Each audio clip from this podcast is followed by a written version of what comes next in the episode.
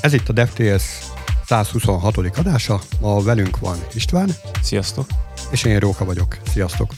A műsor támogatója a Shiva Force. Ti is tudtok minket támogatni az adás URL-jének megosztásával barátaitok és vagy kollégáitok közt. A mai adásban szó lesz Chrome 99-ről, piszkos csőről, háborúról, jávás felmérésről és még egyéb érdekességekről. Mai legfontosabb hírünk, hogy a háború betört a podcastünkbe. Na hát az előző adásunk óta megérkezett a Chrome-nak a 99-es verziójú kiadása, és hozott egy pár újdonságot.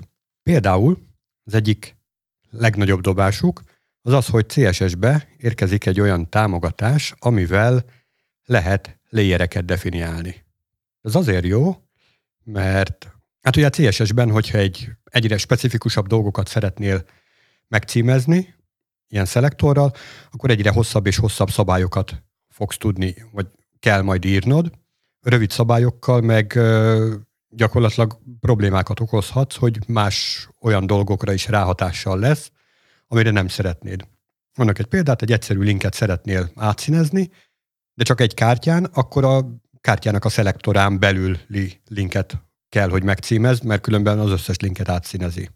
Na és a meglévő CSS szelektorok mellé, vagy azok fölé érkezik egy ilyen kukac layer támogatás, amivel gyakorlatilag ezt lehet könnyíteni, vagy szeparálni, modularizálni.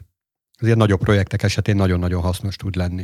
Én nem vagyok túl jártas ezekbe a UI dolgokba, de itt akkor ez most ilyen Chrome specifikus dolog, vagy ez a CSS szabvány része, vagy ez hogy működik ilyenkor? Hát egyelőre még Chrome specifikus dolog, hogyha jól olvastam a dolgot, de hamarosan megérkezik valószínűleg az összes böngészőbe. Vagy mivel az összes böngésző mögött a Chrome van, úgyhogy azonnal készen vagyunk. Hát azért még a Firefox meg a Safari élés virul. Hát igen, igen, igen. Na akkor egy másik újdonság, hogy ugye volt ez a nagy parázás, hogy most akkor három számjegy, akkor mi történik, mert az egyes az kisebb, mint a kilences az eszki karakter táblában, és akkor hogyan fogják tudni ezt megoldani? Ugye azt tervezik, hogy a 99-es után lesz egy ilyen pont 100, pont 101 vagy ilyesmi, de ki lehet kényszeríteni a böngészőtől, hogy ő már százas verziót adjon magáról. Ugye ezt a beállítások közt tudjátok megtalálni, van egy ilyen Force Major Version 2 100, és akkor azt be lehet állítani, és akkor ott meg tudjátok nézni, hogy a ti webalkalmazásotok, vagy éppen az a weboldal, amit néztek, az hogy fogja majd érzékelni ezt a dolgot, hogyha átíródik a verziószám a user agentbe. Ah, tehát ez egy ilyen fejlesztői beállítás jelenleg akkor, ha jól értem. Igen, igen, igen, igen, igen. Ez olyan, olyankor lehet fontos, hogyha te webalkalmazásodban szűrsz arra, hogy milyen böngészőket támogatsz, és mondjuk nem akarsz ilyen nagyon old school Chrome-ot, vagy bármit is támogatni, és akkor ez alapján, user agent alapján különböző figyelmeztető dobozokat írsz ki.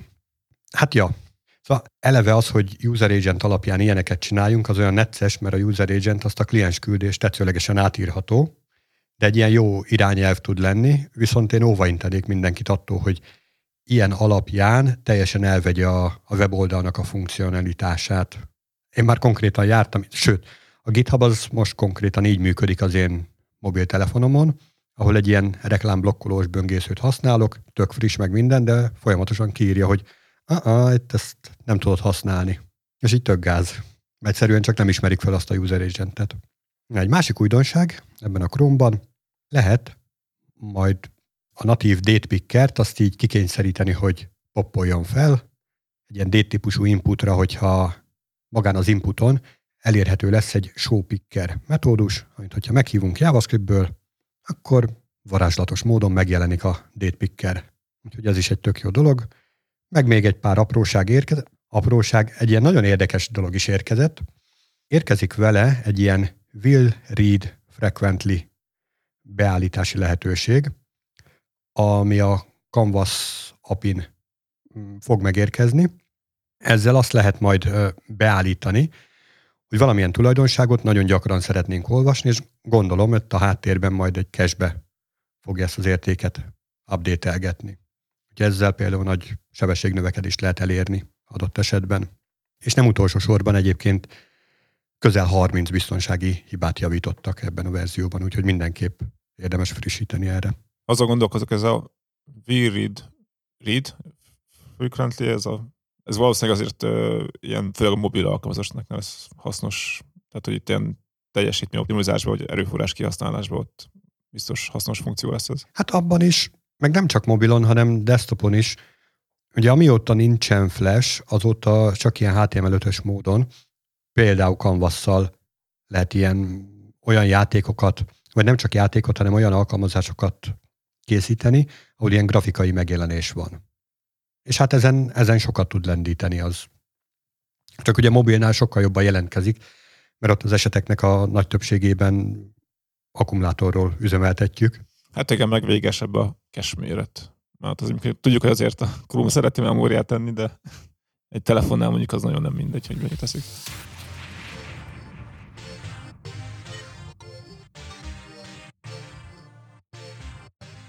Említetted ezt a piszkos csövet. Milyen cső ez? Vagy hogy kapcsolódik ez a fejlesztéshez? Igen, hát itt uh, Linux pipe van szó. Uh, már beszéltünk róla kicsit sok a security téma, de hát vagy mindig találunk valami érdekeset. Most is találtak egy elég csúnya sérülékenységet a Linux kernelbe. Az érdekesség az, hogy ezt a sérülékenységet magát már egy éve megtalálták, de hónapok kellettek, még, még rájöttek a konkrét mechanizmusra, ami a háttérbe zajlik. Mármint kik jöttek rá? A kernelnek a készítői, vagy akik a sebezhetőséget találták? Vagy ezek nem beszélgettek egymással? Vagy...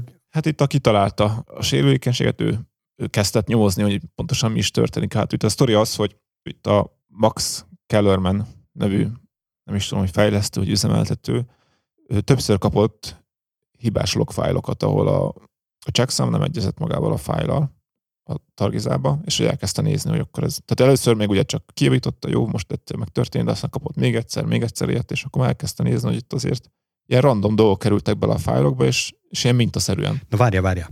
A checksamot nézd. Van élő ember, aki a checksamot ellenőrzi? Hát egy alkalmazás, ami kicsomagolja. ja, jó. Hát, hogyha van erre külön szoftver, akkor oké. Okay. Én mindig szoktam azon mosolyogni, de egyébként ez az én hülyeségem, hogy van valami letölthető anyag, és ott van mellett, hogy itt van az MD5 számja. De hogy igen. még én például egyszer sem ellenőriztem le. Nem, de hát igen, lehet, hogy van valaki, aki ennyire de paranoid. Egyrészt, tehát hogy oké, okay, nem ellenőriztem le, másrészt, hogyha valaki ki tudja cserélni azt a feltöltött állományt valami gonosz kódra, akkor mi akadályozza meg, hogy a mellette odaírt checksamot is igen. kicserélje? Igen, hát ez egy ilyen érdekes téma ilyen téren. Na jó, szóval megfogta ezt a dolgot, és látta, hogy ott van valami ismétlődés. Igen, és akkor ebből kezdett el nyomozni, hogy a pipe írva megfelelő flegeket át lehet billenteni, és akkor ezt kihasználva olyan fájlokba is tudunk írni a page cache-be, tehát nem magát a fájlt írjuk, hanem a, magát a page-elt cache tehát olyan fájlokat, amihez nincs is joga a userhez, sőt, nem csak, hogy nincs is joga, hanem read on, tehát hogy még nem is jogosultság, hanem read a fájl, tehát hogy nem is lehet fizikailag se írni akár, de a cache-be lehet a pipe keresztül. Tehát akkor ez egy me- memória korruptálási hiba. Igen, lényegében. Aha. Tehát itt ugye az történik, hogy a, beállít egy ilyen flaget, hogy merge kell a cache tartalom, vagy a, page, a pipe-ot, de közben átérjük a pipe-ot egy másik fájlra, egy olyan fájlra, amihez hogy nincs jogunk, de a flag meg bent maradt, és akkor igazából felül lehet írni, vagy részle, részbe, vagy teljesen felül lehet írni az adott fájlt. És ez mondjuk ugye hát érezhető, hogy ez, ezek a dolgokat lehet csinálni, például az ETC passzfédébe kiüríteni a szót. Várjál még mielőtt tovább mennénk, ezek milyen flagek? Tehát a, a CPU-nak a flagjei, vagy Linuxos parancsnak a flagjei, vagy milyen flagek? Ezek, hát én tudom, Linuxos, ö, ezek a pipe flagek. Aha, aha. Tehát az a can merge, meg ilyesmi flagekről van most szó. Na és akkor igen, tehát az ETC passzfédébe a root usernek mondjuk kinullázzuk a jelszavát, és akkor jelszó nélkül lehet root lépni, vagy a, magát a su kommandot felülírni úgy, hogy jelszó nélkül lehessen súzni. Tehát ilyeneket lehet ezzel csinálni. Nagyon szép, gyönyörű. Igen. A javítás szerencsére meg is érkezett. Tehát ezt már nyilván, ezt már úgy publikálták, hogy meg, meg volt a javítás, de ez minden Linux kernet érint, Android-tól kezdve minden, mindent, ami Linux alapú, úgyhogy itt frissíteni kell. Hát az viszont elég durva, mert az androidos kliensek azért nem visszamenőleg örökre kapják meg, hanem csak egy-két verziót szoktak támogatni. Vagy legalábbis a, az operát, tehát a, a szolgáltatók nem is nagyon érdekeltek abban. Hát igen, itt, itt igazából voltak úgy javítások ilyen téren, tehát a Google ezen sokat dolgozott, hogy megkönnyítse a frissítést, és modell, nagyon mod- modellára is lett már a Android például ezért, hogy, hogy az adott ö, disztribúciónak, tehát hogy a, úgy az adott készülékhez, meg az adott szolgáltatóhoz tartozó disztribúció minél több mindent tudjon a Google frissíteni, anélkül, hogy ott bárkinek bele kéne ebbe még pluszba nyúlnia, de hát igen, főleg a régi készülékeknél ez, ez ott tud maradni. És az az egy év, az, az a javítással telt, vagy azzal, hogy ez az emberünk, ez nyomozta? Hát a nagy része a nyomozással. Tehát mi, a, miért nem beszélt ott a kernelfejlesztőkkel? Hát erről nem ír a cikk, tehát lehet, hogy amúgy beszéltek, tehát hogy közösen is nyomozták, hogy mi történik a háttérbe, meg hogy aztán ezt hogyan lehet támadásra használni. De igen, hát ez sokáig tartott. A, ugye ami érdekes, hogy már korábban is beszéltünk ezekről, hogy az elmúlt egy évben az elég sok ilyen Linux sérülékenység jött ki, és most ez nem a Linux éve eddig, úgy érzem. Hát, figyelj, minél többen használják, annál több ilyen lesz. Hát igen, meg hát minden bonyolultabb, ugye? Tehát, hogy ahogy összetettebb a rendszer, úgy növelkednek a lehetőségek arra, hogy valami nem működjön jól. Igen.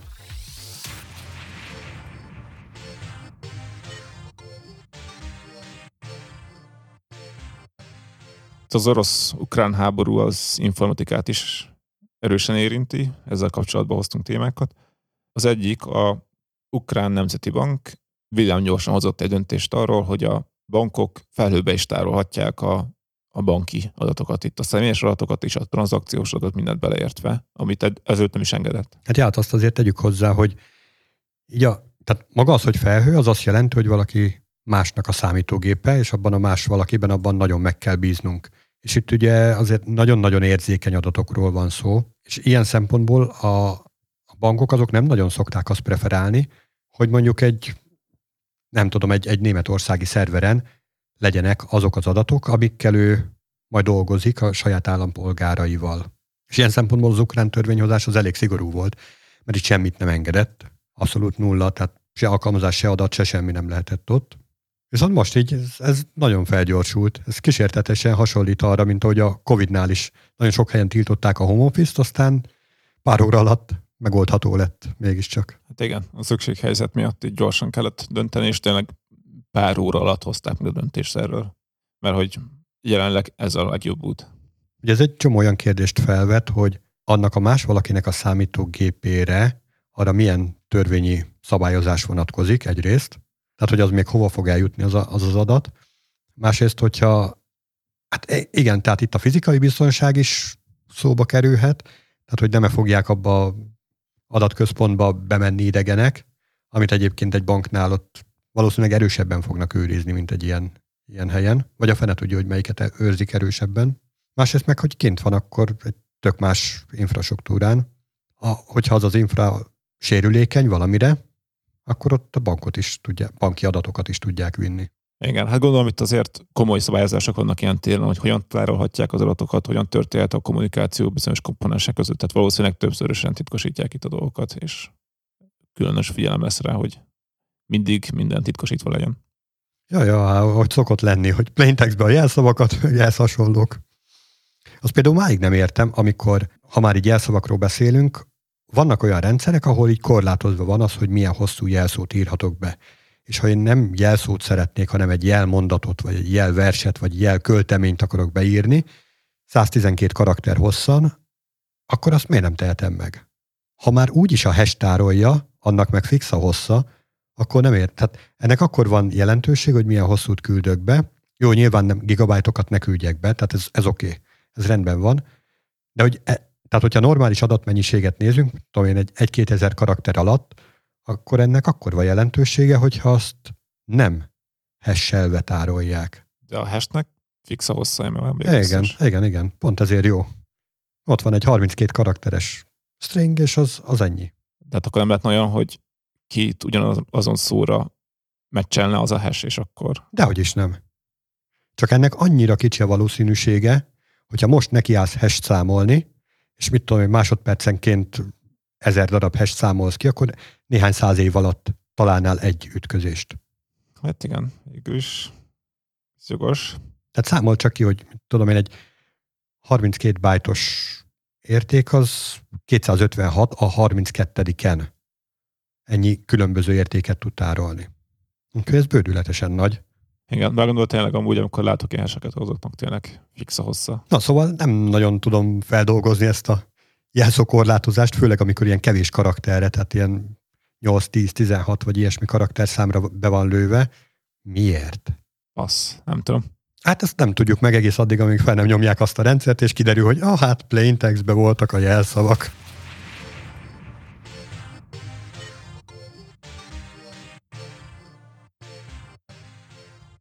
Na ugyanígy a háborúval kapcsolatos hírt hoztam én is, az NPM-mel kapcsolatban.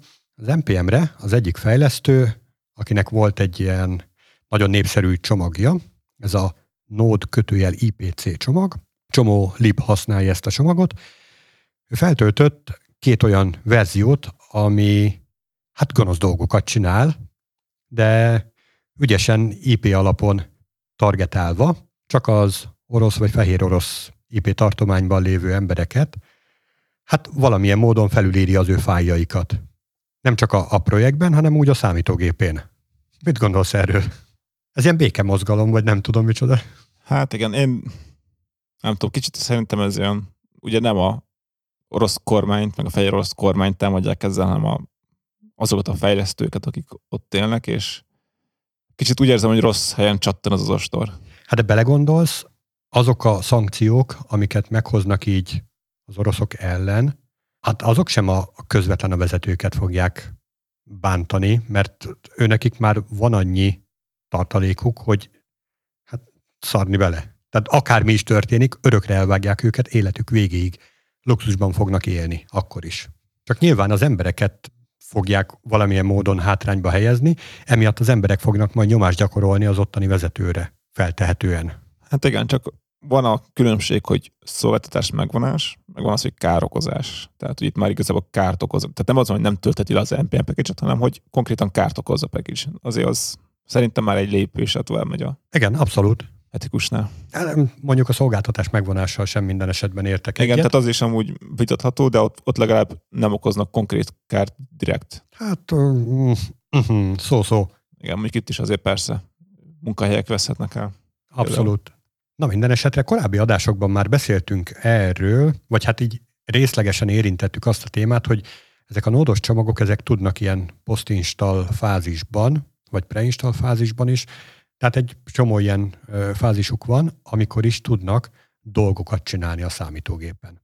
És hogy milyen dolgokat? Hát gyakorlatilag mindent. Igen, hát itt jó példa arra, hogy te például miért szoktad Docker image futtatni ezeket. Na igen, ezt meg egy másik adásban veséztük ki, hogy, hogy fejlesztői környezet gyanánt. Nekem például roppant kényelmes az, hogy minden egyes projektben az, az összes ilyen nódos cucc, az be van zárva egy ilyen dokkeres konténerbe, ott tök jól érzi magát, azt hiszi, hogy ő ott a teljhatalmú úr, össze-vissza a globálba telepíthet, amit akar, vagy például egy ilyen gonoszságot tud csinálni, nem nagyon érdekel, hogyha nem tetszik, akkor majd újra húzom azt a docker. És ott ebben a bezárt dobozban ott, ott hagy virgonckodjon, ahogy csak akar. Ugyanez, hogyha a hozgépen, tehát a saját fejlesztői gépeden csinálsz egy ilyen NPM instalt, amivel föltelepítesz egy ilyen csomagot, hát az azért elég fájó tud lenni, hogyha mit a Windowsos rendszeren a Windows mappádat legyalulja. Hát igen. Vagy mondjuk egy Linuxos rendszeren, ne adj Isten az LTC passzvédét fölülírja, ahogy az előbb a piszkos csövünk. Igen, hát ez is amúgy egy jó emlékeztető arra, hogy érdemes kontinerizáltan fejleszteni. És még egy, amiről ugyan a hír nem szólt, de én már korábban említettem, és akkor most is szeretném felhívni mindenkinek a figyelmét arra, hogy igen, ez egy dolog, ez most egy ilyen békemisszióban a srác letörli a fájlokat, meg fölülírja ilyen mindenféle üzenetekkel, meg az asztalra elhelyezi ilyen üzeneteket, de ez még mindig csak ilyen valamit beletesz a te rendszeredbe, amivel fölülírhat dolgokat, meg minden. De ugyanígy ott a lehetőség arra is, hogy valamit elvigyen a te rendszeredből. Tehát akár üzleti titkokat, akár jelszavakat, akár cicás képeket, én azért nagyon morci lennék, hogyha cicás képeket lopnának az én gépemről, de hogy akár ezt is meg tudja csinálni, hát jelszavakat a fene vigye, mert az amúgy is kiderül. De értitek, tehát nem tudjátok kontrollálni, amikor nyomtok egy NPM installt egy ilyen csomagra, ott bármi megtörténhet. Tényleg, ez egy ilyen, nem tudom, egy vadnyugat. És ami még érdekes ezzel kapcsolatban, hogy ugye az NPM is alapvetően úgy működik, alapbeállítással, hogy azt a csomagot, amit föltelepítesz, azt ugye elteszi ebbe a package.json fájlba, hogy te ebből a függőségből szeretnéd használni a legfrissebb verziót, vagy olyan verziót, amit éppen megmondtál neki, vagy annál jobbat. ez a kis kalapjelecske ott a verziószámnál. Na, hogyha nem teszel ellene, akkor ez automatikusan be fog frissülni, amikor kijön az internetből a következő cucc, és akkor ott szétcseszheti a gépedet. Úgyhogy én azt tudom javasolni, hogy mindenképp állítsátok be az NPM-nek, hogy save exact true. Ugye ezt az NPM-RC-ben meg tudjátok tenni, akár projekt specifikusan is, tehát a projekt mellé is be lehet ezt komitolni, vagy global settingsbe be lehet állítani, tehát egy csomó lehetőség van erre, de ezzel meg lehet azt akadályozni, hogy így automatikusan elromoljon a szoftveretek, és ettől még lehetőség van arra, hogy manuálisan verziót léptessetek, amikor úgy, úgy látjátok, csak ez ne automatikusan történjen, hanem emberi beavatkozás, hogy tényleg akarjátok azt az új verziót, ne pedig csak úgy, úgy megtörténik, és akkor csodálkozunk, hogy ha, baj lett. Igen, ez az automatikus verziónevelés nekem mindig idegen dolog volt, tehát hogy vagy nekem mindig az volt a természetes, hogy én növelem a verziókat, nyilván munka van vele, de hogy így mindig kontrollat van minden.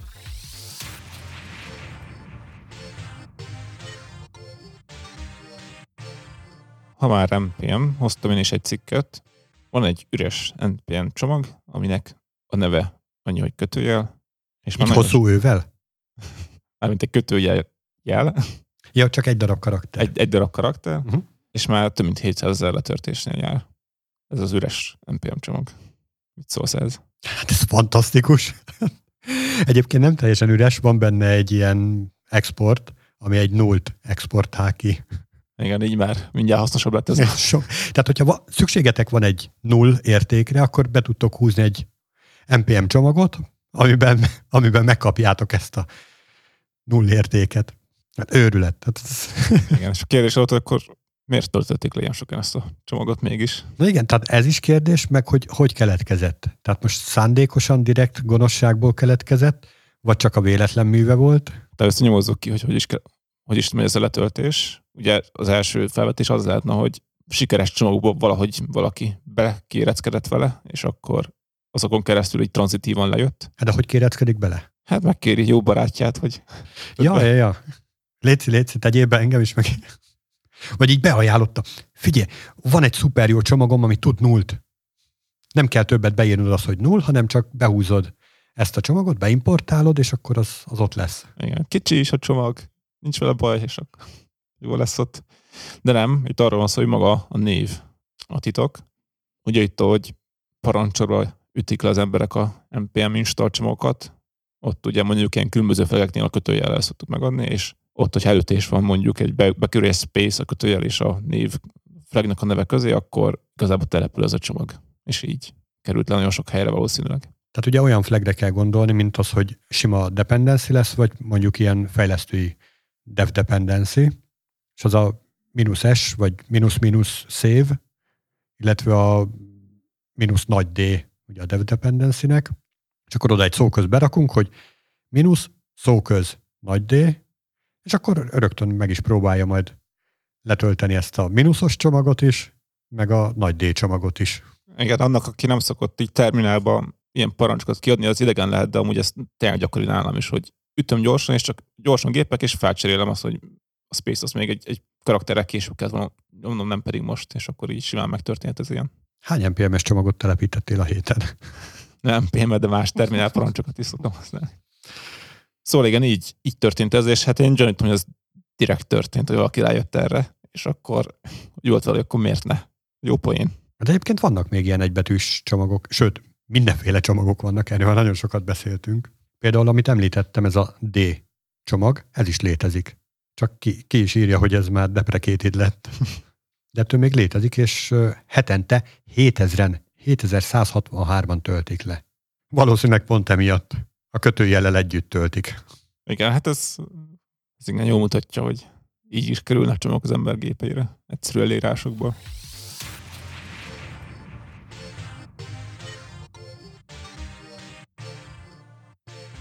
Ha már JavaScriptről beszélgetünk ennyit, előző adásban megemlítettem, hogy az MDN-t elkezdték ránc felvarni, ott a Browser Compatibility táblázatot, csak ugye pont mondtam, hogy ilyen elég hülyén sikerült, mert kivették azt az információt, hogy egy-egy böngésző melyik verziójától támogatja az adott feature-t. Na, a Mozilla-nál meghallgatták a DevTales-t, tanultak belőle, tudomásul vették, ugyan meg nem köszönték még, nem kaptam róla e-mailt, vagy lehet, hogy csak a spambe landolt, de most javítottak ezen a táblázaton, és most már ott van a verziószám is. Nem csak egy kis pipa, meg egy X, hanem ott van konkrétan, hogy melyik verziótól támogatott, illetve hogy hol nem támogatott, vagy hogy hol kísérleti verzió. Úgyhogy tök jó. Ennek így nagyon örülünk, hogy Mozillánál is hallgatnak minket, innen is üdvözöljük őket, illetve, hát az egy régi-régi adásunkban volt, amikor új logója lett a, az MDN-nek, itt a Mozillának, akkor jött be az a, az a logó, hogy moz, kettős pont per per, ugye ez volt az ILL, és utána egy A betű. Tehát mintha ez egy protokoll lenne, a moz protokoll lenne, és most lecserélték ezt is. Képzeld, ez most nagyon-nagyon dolgoznak itt a srácok rajta. Hát ugyan nem erőltették meg magukat, tehát egy nagy embetű lett, de látványos, hogy tényleg változik folyamatosan. Így napról napra apránként épül át weboldaluk. Igen, jól látni, hát valószínűleg igen. Még fejlesztés alatt is van, meg gondolom kapják folyamatosan a feedbacket, és gyorsan követik is ezt. Hát meg ugye hallgatják az adásunkat. Igen, persze, hát az, az egyértelmű. Úgyhogy hajrá, srácok, csak így tovább.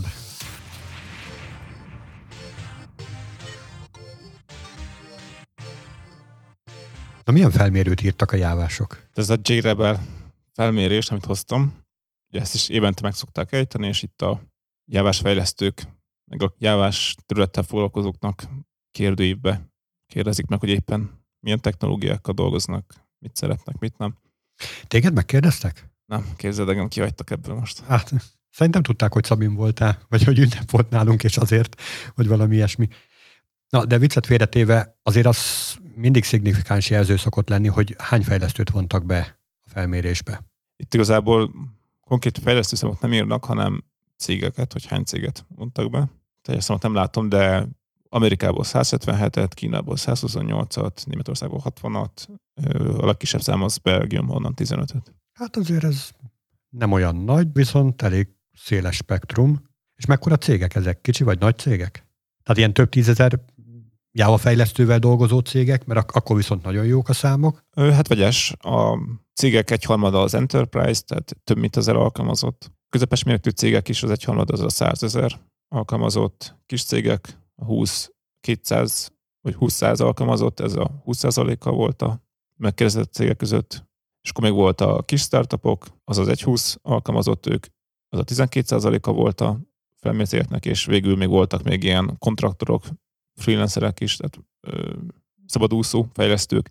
Ez, ez meg a 10%-et adta az összes megkérdezettnek. Ja, hát akkor ez egy szép merítés. Igen, sikerült szerintem elég széles spektrumon minden igényt felmérni így. Hm, és mik voltak a kérdések, meg a helyes válaszok? Hát ugye kezdjük az első kiebrandító szituáció, hogy oké, hogy jáva, de hanyas jáva. Jelenleg mindig a 8-as a vezető 37% azt mondta még a Java 8-at használja. Ami Hol járunk most 12-nél? 17 most az 17, LTS. azt a Mert az a, az a long term support, tehát a hosszú távú supportált verzió, de már ugye kint van a 18-as, hamarosan a 19-es, ha nem jött még. Szóval ugye most már fél évent jönnek a verziók uh-huh. az új modell szerint. Szóval igen, az egyharmada a 37-et használja, vagy a 37% a 8-at használja, a 11-est, ugye még a 17 előtti tehát ugye a 17 az összejött, ha jól emlékszem, összejött, mint long term support, tehát az volt ugye a következő nagy verzió a 8 után. 29% használja azt, és utána van a 12% a Java 12-t vagy újabbat használ.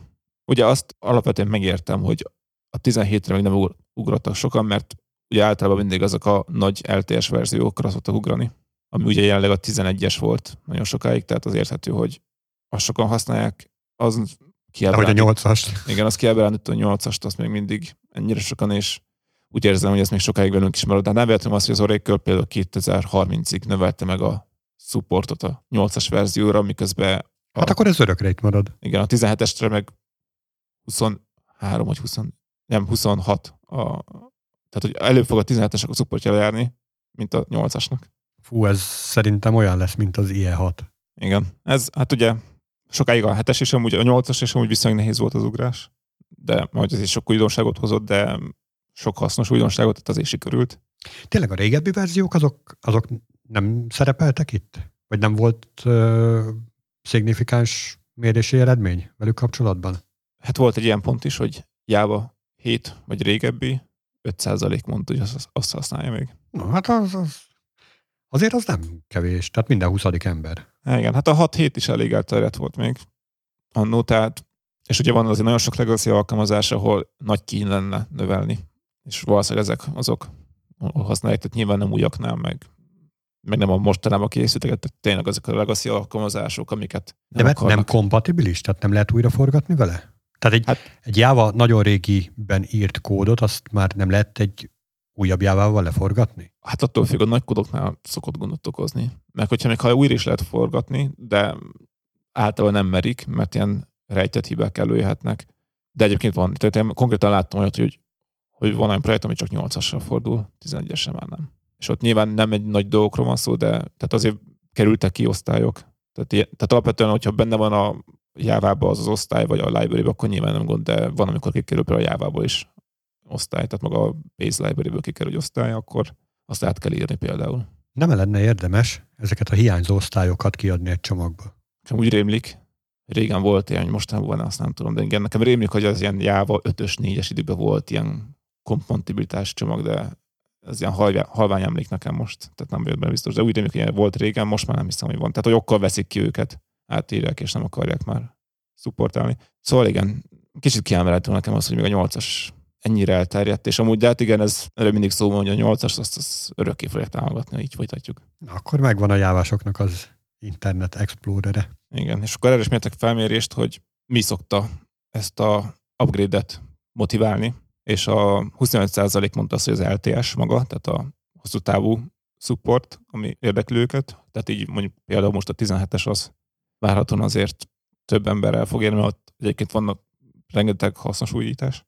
Biztonság nyilván ott van, 23% mondta, a teljesítmény is fontos, 20%, új feature-ök, az a 18% mondta, Szóval igazából ezek a fő. Na várjál, tehát hogy ez nekem nagyon gyanús, hogy 23% mondta azt, hogy a biztonság az, az egy ilyen motiváló tényező neki. Ha most publikálnánk egy Java 8-ban lévő távoli kódfuttatása alkalmas bagot, amihez autentikáció nélkül lehet bármit csinálni az adott szerveren, és teszem, azt nem adnának ki hozzá nagyon hamar, mondjuk még aznap nem adnának ki hozzá pecset, akkor vajon nem-e sikítva menekülne mindenki az újabb verziókra? Hát több, mint valószínű, igen, szerintem. Hát, hogy nyilván, tehát akkor megnövekedne egyből szerintem. Akkor lehet, hogy ezt kéne csinálni, és akkor onnantól kezdve el van intézve a dolog. Persze, hát átállni az, az egy óriási nagy meló lenne, hogy sokan használják, és... Igen, hát az a baj, enterprise környezetben használják ráadásul ugye nagyon sokat, és ezek a nagy régi legacy alkalmazásoknál ugye rengeteg ember úrra lenne ezt átírni, és ezért is van az, hogy az Oracle türelmesen mindig tologatja kifele az időt, hogy mi meddig fogja támogatni a 8-as, és hát igen, nem lepnek, hogy az a 2030 is tovább tolódna aztán végül. De hát igen, ott nyilván csak ilyen security upgrade vannak folyamatosan. Kérdezték azt is, hogy kik terveznek a 17-es JTK-ra frissíteni, mennyien. 37% mondta azt, hogy a következő fél évbe tervezi. Itt gondolom nyilván az új projektekről van szó, főleg nem pedig a régebbi alkalmazások frissítéséről. 30% azt mondta, hogy a következő egy évben nem, és 25% volt, aki azt mondta, hogy a fél és egy éven belül, tehát hogy fél éven belül, tehát fél év és egy éven belül valamikor. Szóval amúgy viszonylag sokan tervezik használni a 17-es jelvát. Mármint akik szeretnének átállni, azok közül ennyien. Akik új jávát akarnak, azok közül nagyon nagy többség a legújabbra akar. Mert hogy nem is az, hogy legjobbra, hogy mikor akar. Uh-huh, uh-huh mikor tervezi igazából. Itt is egyébként még le is van bontva, hogy cégméretek alapján, és azért látszik az, hogy a nagyobb cégek, tehát a több mint száz alkalmazottnál van hangsúlyosabb az, hogy csak később, mint, tehát hogy 12 hónap múlva, vagy 12 hónap vagy később a, az upgrade plan, tehát hogy nagyobb cégek azok, akik lassabban fognak váltani, de hát ez várható is. Hát megfontoltam. Nagyobb a tehetetlenség. Hát nagyobb feladat, mondjuk úgy inkább. Nem, nem, nagyobb tehet. Figyelj, tehát hogyha van egy ceruzád, azt, azt tök hamar arrébb tudod tenni. Hogyha van egy 10 tonnás gerendád, az sokkal macerásabb lesz arrébb tenni. Azért, mert nagyobb a tehetetlensége. Nem ja. tud arrébb gurítani könnyen. Igen, igaz. Architekturális trendeket is kérdeztek. Hát a mikroszerviszek vezetnek, ugye mikroszolgáltatásokban gondolkozunk már azért a legtöbb kinezetben 32% azt mondta, hogy vagy 32% ilyen architektúrába fejleszt. A monolit alkalmazások is azért még elő vannak 22%-nál. Található ez meg. Illetve még elő van maga 13%-ával az a moduláris monolit.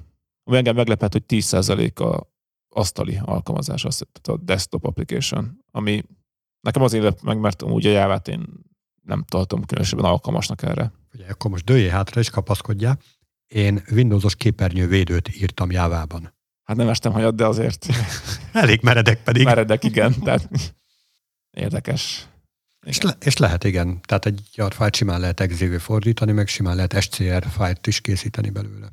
Igen, lehet, de nem, nem hiszem, hogy ez a legjobb. Nem, nem, abszolút nem volt jó. Ez csak azért ki akartam pipálni, hogy na, akkor igen, saját képernyővédőt, és akkor éppen jáváztam, úgyhogy adódott a szituáció, hogy akkor jávában kell. De azóta már csináltam C-ben is, tehát... Igen, és ez a jávás, ez mi volt? Ilyen canvasra rajzolás, vagy hogy történt? Csak így kíváncsiságban. Fú, azt tudom, hogy a több monitorral azzal volt problémám, tehát az, az biztos, hogy problémás volt. Az AVT-t használtam ehhez, és arra emlékszem, hogy akkor, amikor csináltam, akkor a több monitornak a támogatása nem lehetetlen volt, de hogy eléggé macerás volt. Az egyébként így mindig, mindig ilyen necces dolog.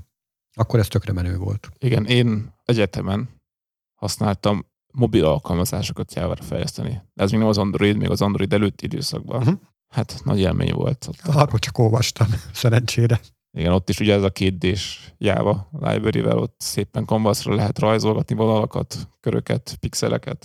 Hát érdekes volt. Ilyen Simon, ez a Simon mondja játékot, tudod, amikor felvillannak a pirossága, a kék-zöld gombok, és én kell. Olyat csináltam benne. Jó pofa voltam úgy, de kellemes volt a baj kirajzolgatni szépen a gombokat. Egyébként itt lehet tetten érni a technológiai fejlődést, hogy régen ez tökre valid és normál dolog volt, hogy hát szinte, hogy pixelenként, vagy ilyen nagyon, nagyon egyszerű primitívenként rajzolsz ki mindent, most meg azért sokkal magasabb rendű műveletekkel dolgozunk. Persze nyilván sokkal rosszabb performanciával, és ezért kell mindig vastagabb hardvert venni, de hogy amúgy meg tehát sokkal könnyebb fejleszteni. Hát igen, a hardware adott, szerencsére. Igen, amúgy ez is egy érdekes téma, most nem menjünk bele túl mélyen, de hogy a hardware az stabilan fejlődött ahhoz képest is, hogy itt már ugye vannak fizikai nehézségek, és a szoftver ehhez képest egyébként meg lassulni látszik sok szempontból, csak hát a erős hardware. De pont ezért az egyre több és magasabb szintű absztrakciós rétegek miatt, hogy egymásra rakódnak. Igen, hát a fejlesztői kényelem sokszor így. Egyébként nem lenne baj ezzel a fejlesztői kényelemmel, tehát tök jó lenne, hogyha tehát mondjuk, hogyha én tudnék egy 3D-s gömböt egy utasításból rajzolni, ez tök frankó. Csak az a baj, hogy ezt a 3D-s gömböt, ezt 25 absztrakciós rétegen keresztül csinálja meg, és nem pedig közvetlen nem tudom, GPU utasításokkal.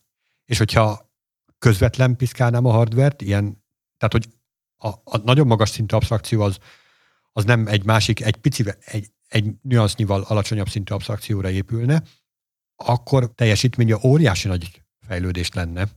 Csak hát ki az, aki ezt megcsinálja? Senki.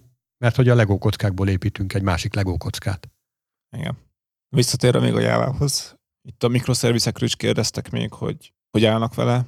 Viszonylag sokan, 44% már abszolút abba dolgozik, tehát teljes architektúra mikroszolgáltatásokból épül fel, de szinte 44% aki éppen az átmeneten közepén tart, tehát ugye itt ugye még félig ilyen, félig olyan a környezetük, és akkor szép lassan ugye itt nyilván ilyenkor azt mondták, hogy főleg az új alkalmazásokat már abba fejlesztik, a régeket még szépen elkezdik lebontani a darabokat belőle, és úgy szép lassan átállni erre a ilyen konténerizált, meg Kubernetes gondolom többnyire a háttérben, ami fut ilyen környezetekre. És egyébként ez is ad hozzá lassúságot, hiszen ezeknek a mikroszervizeknek kell egymással kommunikálni, és nyilván sokkal lassabban fognak, bármennyire is közel vannak egymáshoz, sokkal lassabban fognak kommunikálni, mint egy natív áthívás. Igen. Abszolút, tehát itt teljesítményromlást tapasztaltunk emiatt, viszont ugye itt azért sok mindent kapunk is érte. Minek írjuk a szoftvert? Nem a felhasználóknak, akik ezt használni fogják? De ez... Na, ők mit kapnak cserébe? Hát, hogy kapnak ugye gyorsabb frissítést, tehát mondjuk az adott feature alap hamarabb kikerül, robusztusabb alkalmazást, ez sokkal hivatűrőbb egy ilyen rendszer. Mert például, hogyha bekerül egy hibás frissítés, akkor csak egy adott albodú romlik el, hogyha jól meg ki van alakítva az architektúra, és nem az egész rendszer hal le. Tehát például ilyen dolgokat. Tehát egy robosztusabb szolgáltatást, gyorsabb frissítéseket kap. Tehát azért nem mindegy például egy, egy nagy alkalmazásnál, hogy fél kell várni arra, hogy egy feature bekerüljön, vagy három hetet. Hát, ha én felhasználó lennék, akkor ezeket ilyen alapnak venném, hogy egy feature-nek a bekerülése az nulla idő alatt megtörténik. Tehát így kijelentem, hogy nekem szükségem van, hajlandó vagyok kifizetni, és mondjuk egy fél órán belül legyen ott. Ez szerintem tök alapnak kéne, hogy legyen.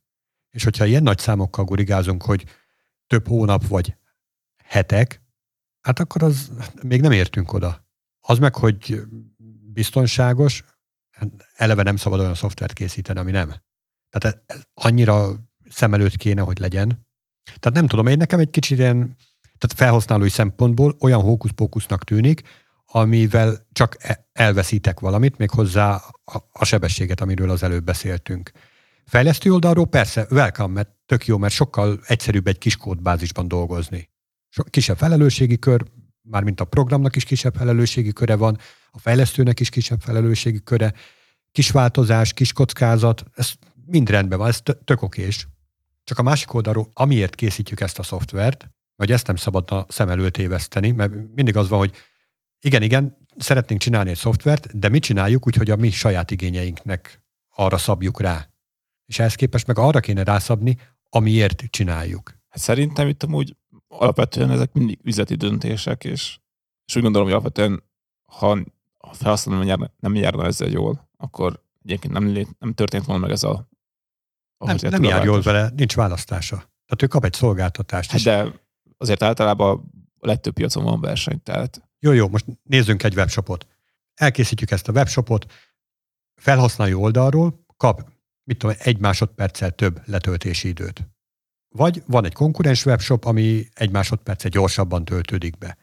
A felhasználók, hát így nem nagyon fog ez alapján válogatni. Hát igen, tudjuk, ez, ez egy picivel lassabb, de itt van minden, mert ez egy nagy cég. És mivel nagy cég, ezért sok fejlesztőt tud alkalmazni, a sok fejlesztőnek meg ö, sok kódot fognak írni, az karbantarthatónak kell, hogy legyen, és ilyen szempontból üzletileg sokkal kifizetődőbb lesz ennek a nagy cégnek az, hogy legozzátok össze apróbb alkatrészekből, tehát hogy ne egy, ne egy, ne egy nagy és performance optimalizált monolitot építsetek. Tehát magának ennek a nagy cégnek ennek üzletileg sokkal jobb lesz. A végfelhasználónak nem lesz jobb, de ő neki nincs választása, mert átmehet a másik startuphoz, csak ott még nem lesz lótúró se.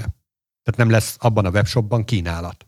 Tehát azért tudok vitatkozni. Egyrészt a teljesítmény, ugye a hatékonyság biztos romlik, a teljesítmény nem garantáltan, mert ugye amit nyersz ezzel, hogy a több komponensed van, akkor több komponest egymástól függetlenül hatékonyan tudsz skálázni például. Hogyha, van Hogyha egy, szükség van rá, igen. És általában szükség van rá. Hát van Amikor, igen, vagy nem. Hát mondjuk egy olyan rendszerre dolgozunk, ahol több millió felhasználó van, ott például arra kell készülni, hogy például a, el tudsz képzelni olyan szolgáltatást, ahol van több millió felhasználó, de azért ugye ismerjük ezt a 80-20-as szabályt, tehát hogy a, a funkcióknak csak a 20%-át használja, és akkor az akkor jó fel tudod skálázni, és nem kell az egész rendszert, meg egy, hogyha van egy óriási nagy monolit alkalmazásod, azt, azt nem biztos, hogy lehet egyáltalán skálázni rendesen. De abszolút egyetértek, tehát ez nem kérdés, hogy ezek mind jó dolgok, csak cseré, tehát hogy, hogyha csak így szemellenzősen a végfelhasználó szemével nézem, akkor nem, nem kapok érte, hanem elvesznek tőlem. Tehát van egy monolit, ami performance optimalizált, ott helyben lezajlik minden. Persze a szolgáltatónak több gáz lesz, hogyha ez így kezd betelni a request szám, és már nem tudja kiszolgálni, kell még egy, még egy ugyanakkora vasat venni, és akkor a, annak is egy nagy része ott lesz kihasználatlanul. Tehát több gáz lesz. Hogyha jól tudom, akkor valami ilyesmi volt az IVIV-nél is, amikor ott megpróbálták ja. vassal ö, kompenzálni a rossz felépítést. És ne, egy darabig ment, ordinári összegek elmentek rá, és nem sikerült. Na, tehát, hogy ez oké, okay, aláírom, de hogy van egy ilyen rosszul felépített, rosszul karbantartható kódbázis, ami viszont gyors. Felhasználó örül, boldog. Aztán átírják a fejlesztők, nekik már sokkal jobb lesz, aki karban tartja, annak is sokkal jobb lesz, szénné lehet skálázni, jön a karácsonyi akció, akkor tudnak fölhúzni azokat, amik szűk keresztmetszet, ez mind szuper lesz, de a normál használatban is, és a megnövekedett használatban is lassabb lesz. Igen, kérdés, hogy mennyivel egyrészt. Tehát, Hát persze, hogy mennyivel. Vegyél gyorsabb internetet, meg Nem, de hát ugye be, ott, hogy belső hálón mennek a kommunikációk, azért reméljük nem lassú az, de ugye arra is kell gondolni, hogy egyébként itt is vannak még extra feature például shadow deployment, tehát hogy megcsinálja azt például a adott szolgáltató, hogy egy adott komponensből fut egyszerre több verzió, fut a, a beta verzió, fut a stabil verzió, és akkor mondjuk a usereknek az 5%-a már a beta funkciókat kapja meg, és tesztelik, hogy működik-e jól. Az- még mindig a, tehát a, aki ezt a szoftvert elkészíti, vagy aki megrendelte, még, még mindig az ő szempontjaikat nézed. Nem, ez, ez felhasználónak is jó, ez így. Tehát, hogy neki is kedvez. Tehát e- ez mind Neki azért azt, kedvez, mert, őt, mert őt AB tesztelik, és ez alapján majd jobban tudják targetálni rá, a, rá tukmálni a dolgok. Nem, a feature-öket jobban tudják tesztelni, hogy működik-e például. Tehát nem az van, Például hogy kiadnak egy, egy frissítés, és aztán nem tetszik senkinek, akkor jó, néhány hét is visszaállítjuk a korábbi verzióra, hanem akkor folyamatosan kis, kevés userre tesztelik, hogy ez a kis változtatás segíte, vagy ront a helyzeten. Tehát ilyen, tehát ezek alapvetően amúgy jók a felhasználók olyan téren, hogy sokkal gördülékenyebben jönnek ki az új újdonságok, és nem kell sok időt várni rá, és nem az van, hogy mindig, hogy van akkor fél évente egy nagy release, és akkor ha tetszik, hanem most ez lesz a következő fél évben. Hát a fene tudja. A Mac-nél például ezt tolják. Van egy új verzió, aztán kész. Szog Hát igen, de az egy hozd be. operációs rendszer, nem? Hát és? Úgy gondolom, az egy teljesen más környezet, mint egy webes szolgáltatás. Érdekes, az Apple-nél ezt tökre elfogadott, hogy ott ne, nem akarsz te, nem tudom, a bezár ikonnak egy frissítést. Nem akarsz ilyen mikroszervizeket abban a rendszerben, mert azt így megszoktad. Igen, de az Apple-nél garantálom neked, hogy a különböző webes szolgáltatások viszont már mikroszervizek E- e- architektúrába készült. Simán lehet. Na mindegy, majd egyszer kivesézhetjük ezt is ennél jobban. Igen, hát igen, egy érdekes téma, ez is, erről is beszélhetünk majd később. Gyorsan még itt a mikroszolgáltatásokról pár szó. A Spring Boot még mindig magasan vezet, mint framework, 74% használja. Tehát abszolút uralkodik. 18% a egyéb kategória, tehát ott ugye minden, ami létezik, még ami említése méltó a Quarkus a maga 5%-ával. Ugye ez például egy olyan ilyen mikroszolgáltatásos framework, ami kifejezetten a gyorsaságra és a hatékonyságra ment. Tehát ke- kevés memóriával fusson az alkalmazás, gyorsan induljon el, meg eleve a kéréseket is gyorsan szolgálja ki. Tehát igazából látszik, hogy például ez az, ami még úgy egyáltalán nevet kapott itt a listába. Például ami még kiábrándító volt, az a pont a mikroszervizetnél, hogy milyen gyorsan indulnak el, és milyen, mennyi idő ezeket a alkalmazásokat újra kihelyezni. Hát itt azért van mit fejlődni. Na hát a, egy, mondjuk egy Node.js szolgáltatáshoz, ami ilyen fél vagy egy, más, egy másodperc, az már nagyon necces. Tehát ilyen indulási idő mellett, mellett hol kell elképzelni egy ilyen jávás mikroszerviznek az indulását? Hát én itt most, a, amihez látok jobb adatokat, az a újra kihelyezés, tehát az a redeployment, ami igazából ez benne van. 26%-nál több mint 10 perc. Azt, azt a rohadt élet. Igen, Ez nagyon-nagyon sok. Kiábrándító, igen. 9% az, ahol kevesebb, mint egy perc. Csupán az egy tizede az alkalmazásoknak. Hát ez szörnyű. Ez amúgy igen egy ismert problémája Jávának egyrészt. Ugye itt vannak erről különböző fejlesztések, de, de pont a Quarkus, de hát igen, itt még, de az alapvetően itt ahogy már 10 perc még elindulott, már azért komoly gondok vannak. Tehát hogy ez egy óriási alkalmazás, ami Erről lett megismerni Enterprise. igen. Platformok tekintetében Docker és a Kubernetes uralkodik. 41% Docker, 26% mondta a Kubernetes, tehát igazából abszolút már ebbe az irányba mozogtunk, konténerizáltan fussanak az alkalmazások, pedig egy virtuális gépen. Alkalmazás szerverekbe szintén Tomcat, 48% használ Tomcat, tehát 15% a JBoss per Wi-Fi kombót, ez a kettő az ugyanaz, csak az egyik az upstream, a másik a downstream, tehát a Enterprise változat, a JBoss.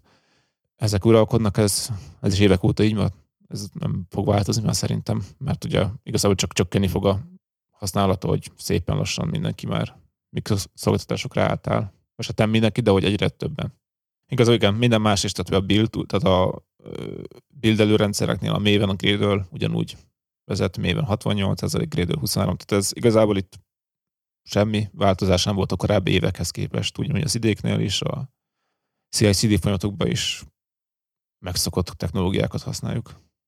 Az idénél azért ugye megszokott módon a IntelliJ vezet, 48%-kal, Eclipse ugye 24%-kal még tartja magát, de a VS Code valóban már 18%-kal növekszik szépen. Az azért betyáros. Hát igen, annak, aki mondjuk ugye egyszerre több technológiás dolgozik, tehát mondjuk Java-val is, javascript is, nem tudom én, CSS néz, meg nem tudom én, még readme fájlokat ír közben, annak azért elég kényelmes, meg ugye ez is egy tök jó hordozható alkalmazás, tehát. Hát én arra emlékszem, amikor még előző életemben jáváztam, és Eclipse-et használtam, meg talán NetBeans-t is kipróbáltam annak idején, de hogy hát Java ezek tök jók, de hogy mellette JavaScript-et szerkeszteni, tehát az egy halál. És ilyen egyszerű Hello world meg ilyen pukizós alkalmazásokat persze tök jó, meg támogat, meg minden, de hogy egy, egy komolyabb ilyen több ezer vagy tízezer soros kódbázisnak már nem, nem mentem neki egyszerűen, mert nem, nem volt jó, tehát használhatatlan. Igen, hát ahogy hallottam, úgy sokat javult már az Eclipse, és én ugye mondjuk IntelliJ-t használok, de azért ott is, tehát régen nagyon rossz volt, most már jobb. Tehát igen, a VS Code azért sokan szeretik okkal. Mondjuk azért kíváncsi lennék, hogy vajon hány plugin kell föltenni ahhoz, hogy használható legyen a rendszer, és elérjen egy, egy megközelítőleg IntelliJ szintet, mert azért ők nagyon magasra teszik a lécet. Igen, abszolút. Hát igen, kell. Cserébe én úgy érzem, kicsit ilyen, nem is tudom, egyszerűbb az egész. Tehát, hogy valahogy letisztultabbnak érzem meg olyan. Hát persze, mert nincsenek benne a funkciók, Igen. azt bele kell tenned neked. olyan, mint régen a Linux, tehát, hogy kapsz egy ilyen nem tudom, egy, egy vázat, és akkor szereljél föl rá mindent. És hogyha repülni akarsz fel, akkor tudsz. Persze, csak szered rá a kerekeket, meg az üléseket, meg a nem tudom, a szárnyakat, meg tegyél bele tartályt, és akkor tudsz majd repülni.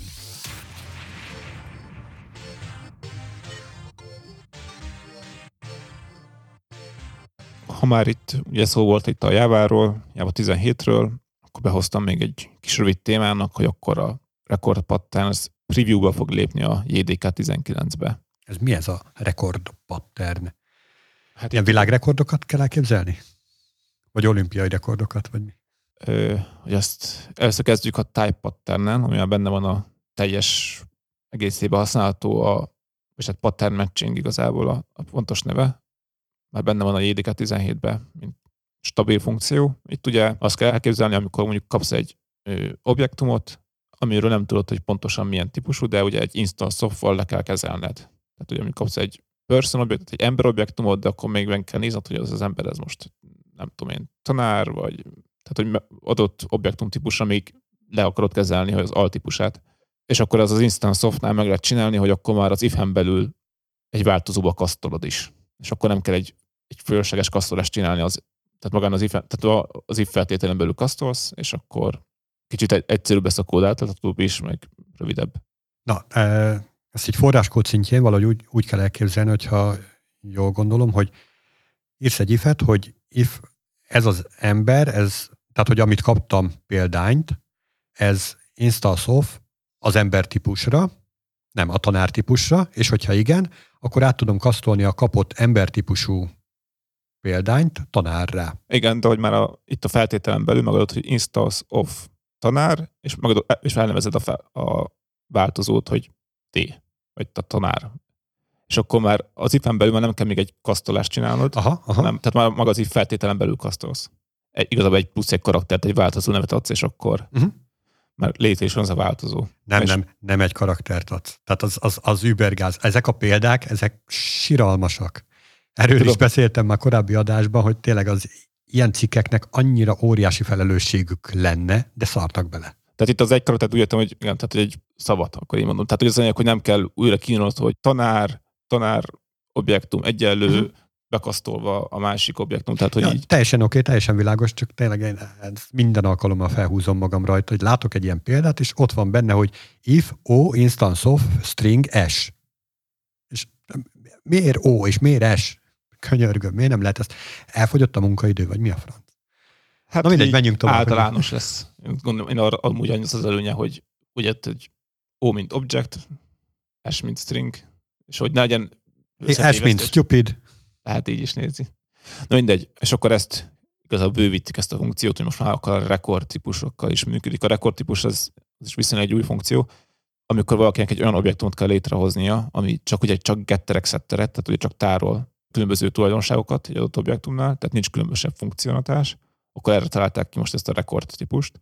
Tehát akkor nem osztályt hozol létre, hanem rekordot, és akkor ez egy tök kényelmesen használható, mert nem kell gettereket írni, nem kell szettereket írni, mert ezt mind bytecode szinten kezeli a Java nekünk, és akkor erre is megcsinálták ezt a pattern matchinget, és akkor itt igazából már nem is magát a típust hozzuk, típust rakasztoljuk, hanem a típusnak a tulajdonságait is megkapjuk egyből a, ezzel a matchinggel, és akkor nem, nem is hozzuk létre magát a, ezt a rekord típusú objektumot, hanem már csak a, az alt a, a fix tulajdonságait. Tehát, hogy például itt a, példaként ugye lehet mondani, hogy embert, akkor az embernek a nem tudom, neve, lakcíme, ilyen, tehát ezeket a almezőket fogjuk egybe elérni már változókba. Tudod, mire emlékeztet az engem? A, nem tudom, Pascalba te programoztál valaha? Vagy lát, tanultál, nem? Tanultam, nagyon régen. Mint hogyha ezek a jávát fejlesztő szakik fölcsaptak volna egy ilyen Pascalos könyvet, és hú, rekord. Elolvassák, ott is van rekordtípus, pont ugyanezt tudja, pont ugyanígy. Nem kell hozzá getter, setter, nincs benne, tehát nincs benne funkcionalitás, csak adatot tároz benne, és ez, a, ez az új szintaxis, ez a... Record patterns. Igen, ez a record pattern, köszi. Ez gyakorlatilag a Pascalos vit utasításnak vagy szerkezetnek felel meg. Lehet, arra nem emlékszek, mi volt, de igen. Egyébként ez a rekord tök hasznos, tehát ugye... Persze, hogy tök hasznos, csak hogy miért jól... nem csinálták eddig? Igen, ez egy jó kérdés. De ugye például, ami ugye hasznos, hogy ez a rekord ugye például itt minden mezőben benne final, tehát hogy így biztosított, hogy abban semmi, semmi nem fog módosulni már, és ez szerintem egy tök jó dolog, mert kényszeríti arra a felhasználót, hogy, vagy a fejlesztőt, hogy így írja a kódot is. Mert hogy egyébként ez a jó eljárás, hogyha sokszor, hogyha ha ilyen, ilyen DTO objektumot hozza létre, akkor ne változzon már benne semmi, hanem hoz létre egyszer, és az többet nem fog változni. Mert hogy akkor lesz, ez, tényleg egyszerűen egy kényszert ad felhasználónak, vagy a usernek. Olyanra van-e lehetőség, hogy egy ilyen rekordot csak félig töltesz fel? Tehát, hogy van egy mit a XY-t tartalmazó rekordod, az X-et föltöltöd most rögtön, az Y-t meg csak mit tudom, hat művelettel később. Mert mondjuk egy DTO esetén ez tök hasznos lehet, hogy az adatnak egy nagy részét ugye adatbázisból kiszedted, de egy másik részét valahonnan máshonnan, tudom én, egy más távoli szolgáltatásból, vagy fájrendszerből, vagy akárhonnan kell összeszedned, és akkor tudnál esetleg úgy final csinálni, hogy nem egyszerre belekérdeztél, de én úgy tudom, hogy ilyet nem. Tehát, hogy már mindenek meg kell lennie létrehozáskor. Hát, akkor majd, hogyha az OpenJDK-s meg a fejlesztők hallgatják az adásunkat, akkor itt van egy ilyen feature request. De hát ugye akkor is már igazából, nem tudom, hát ugye nyilván környezetfüggő, de tehát ugye itt pont ki van készít, kényszerítve az, hogy akkor nem lehet null. Tehát, hogy például nem kell null csekkekkel foglalkozom meg ilyesmi, és ez az előnye, és hogyha egy olyan környezetet van, ahol több helyről álltod össze az objektumot, akkor vagy előre kiad le az összes többit, vagy ha nem lehet, akkor meg hát, fontosan új objektumokat hozzá létre, mert új típusú objektumokat is rekordokat. Tehát, hogy lesz egy objektumod, ami az adott alrendszernek az adatait, lesz egy másik, ami a másik alrendszernek az adatait tartalmaz, és aztán valóban össze lesznek ezek merge Na, és akkor lesz két olyan DTO-d, amit csak belső adat továbbításra használsz. Igen. Hát pazarlás. Minek? De egyébként értem mögötte azért, mögötte a szándékot, csak akár lehetne úgy is, hogy ilyen félkész rekordot tudjál létrehozni. Hát de ugye de jogos az, az előnye, hogy, hogy például így garantált például, hogy sose lesz null pointer exception. Aha, aha. Na mindegy, tehát egy érdekesség, hogy akkor most már a JDK 9-be ez a preview feature-be kerül. Tehát ez is érdekes, hogy az az új, idézőben új fejlesztési modellnél, hogy a Java-nál ez történik, hogy tényleg fél évente jönnek ki az új JDK verziók, de például sok feature még olyan, hogy még nem lehet, tehát nem csak ilyen példaszinten, hogy még várják a visszajelzéseket, meg még tesztelik, de már bekerül előbb, és akkor már ki lehet próbálni, szintű dolgok vannak benne. Egy érdekes modell, tehát hogy ez egy erős váltás a korábbi, ugye még a, itt még a 8 előtti, vagy hát a 9 előtti időszakban, ahol több éveket kellett várni minden verzió, és akkor jött egy nagyobb csomag, amiben több minden volt. Most meg már igazából már ilyen beta csomagok is vannak, vagy beta funkciók. Én ezt maximálisan tudom támogatni, tehát ez mindenhol tök jól tud működni. Szerintem a jávások is ennek csak a javát fogják látni. Igen, hát alapvetően volt. De igen, annyi ugye a Java azért mégis csak egy enterprise környezetben használják többnyire, és itt kicsit ilyen furcsa olyan szempontból, hogy azért a legtöbb fejlesztő addig nem használja, hogy nincsen benne a következő LTS verzióba, tehát. De arra jó, hogy ilyen kis demo projektekre kis próbálnak. Tehát olyan célra jó, hogy a kis hobbi projektekben ez használható lesz. Hát ez akik fejlesztik a jávát, nekik egy óriási nagy ö, tesztelői gárdát biztosít. Tehát kiadják, itt van, próbálgassátok, még, még nem stabil, még, még változhat akármi, de úgy letesztelik nekik. Igen, hát meg ugye nem csak a maga a stabilitás, hanem a, a nyelvi szintax is. A igen, igen, igen, igen. Visszajönnek a veszélyes. Hát, hogyha így írnánk, akkor mennyivel kényelmesebb lenne, mert ebből az esetben például pont kijött ez a helyzet, hogy itt már kényelmetlen. Igen, szóval vannak érdekességek egyébként, hogy ezt, ezt is behozhatjuk témának, hogy még miket terveznek a járában, mert amúgy vannak fejlődések itt ilyen téren azért. Kövés. Ennyi fér bele a mai adásunkba. Köszönjük szépen, hogy velünk voltatok ma is. Kövessetek minket és iratkozzatok fel ránk Facebookon, Slacken, Youtube-on, Twitteren, Spotify-on, Apple Podcasten, Google Podcasten, Castboxon RSS-ben. és az utcán. Sziasztok! Sziasztok!